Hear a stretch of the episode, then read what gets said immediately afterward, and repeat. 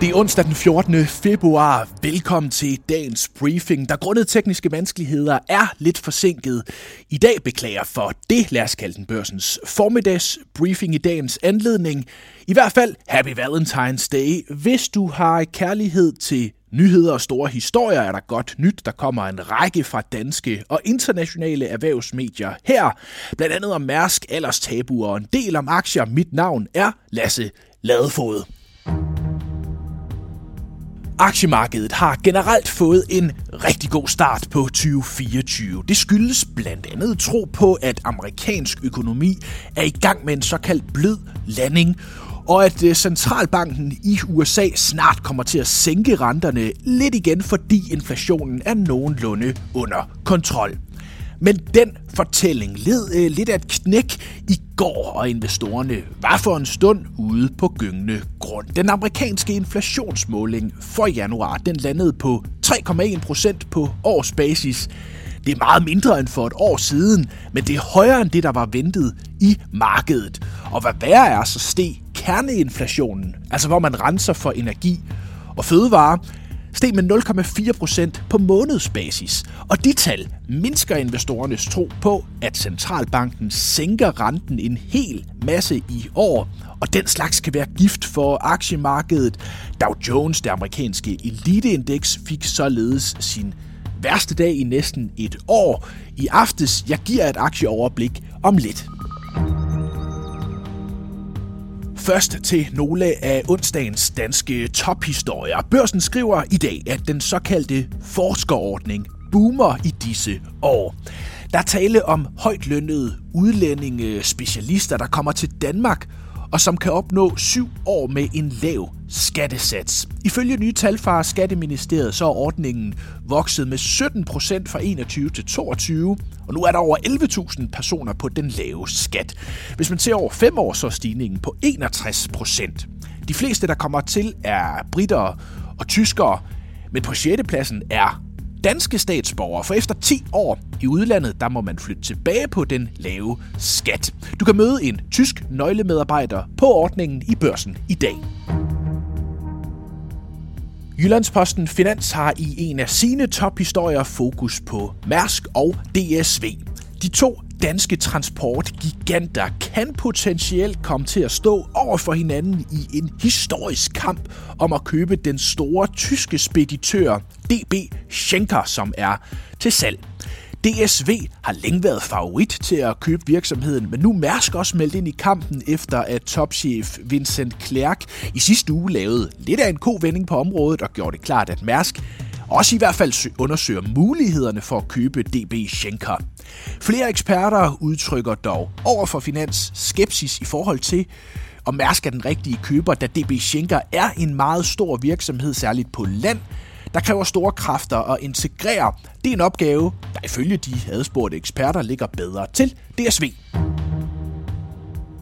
Berlingske har i dag fokus på øh, seniorer på arbejdsmarkedet på deres forside. Der er øh, brug for, at flere seniorer tager nogle ekstra år, hvis ikke Danmark skal mangle hænder i fremtiden. Og hvis det skal ske, så bliver vi nødt til at gøre op med alderstabuer på arbejdsmarkedet. Det siger AP Pensions topchef, han hedder Bo Normand Rasmussen, til Berlingske i dag.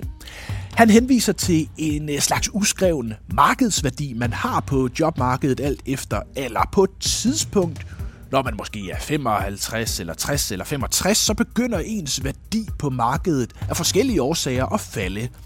Og det skal man have en åben samtale om og lave faste kontrakter for, mener AP pensionschefen. Han siger, det er muligvis ikke så politisk korrekt, men vi er nødt til at tale om, at vi alle har en markedsværdi på arbejdsmarkedet, og på et eller andet tidspunkt falder den, siger Bo Normand til Berlingske.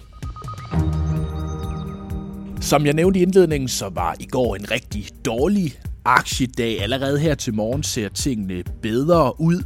Og generelt er investorerne faktisk meget mere komfortable, end de har været længe. Den frygt for en recession i USA, som har været der siden øh, sidste del af 2022, er ved at bløde op. Og i vores anden tophistorie i børsen i dag kan du læse, at globale kapitalforvaltere, dem der sidder med rigtig mange penge derude, er mere optimistiske, end de har været i løbet af de sidste to år, viser en frisk undersøgelse, en rundspørge fra Bank of America.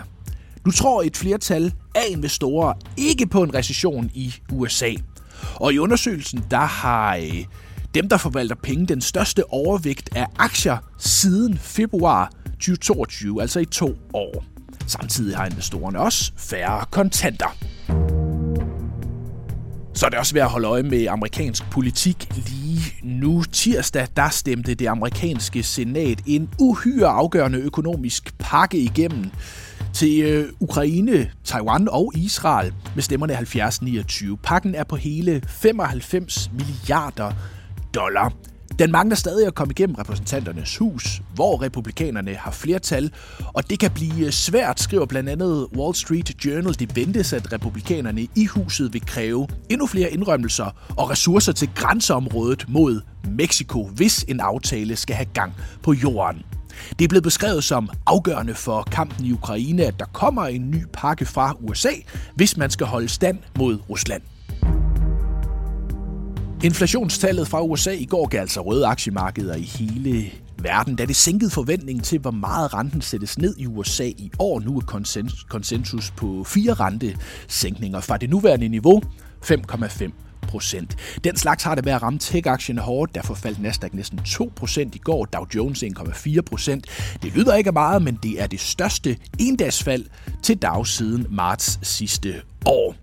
Også i Danmark var aktierne røde i går, men her til morgen er øh, købstemningen så småt vendt tilbage. Få dit overblik på børsen Investor. Således onsdagens briefing, hvis du mangler mere at lytte til her i din øh, vinterferie. Hvis du altså har sådan en, så øh, tjek for eksempel podcasten Topchefernes Strategi, eller måske den nye Lykkeberg og Corridon, hvor chefredaktørerne fra Information og Børsen udfordrer hinanden på tidens store emner, såsom Trump, wokeness og moderne liberalisme.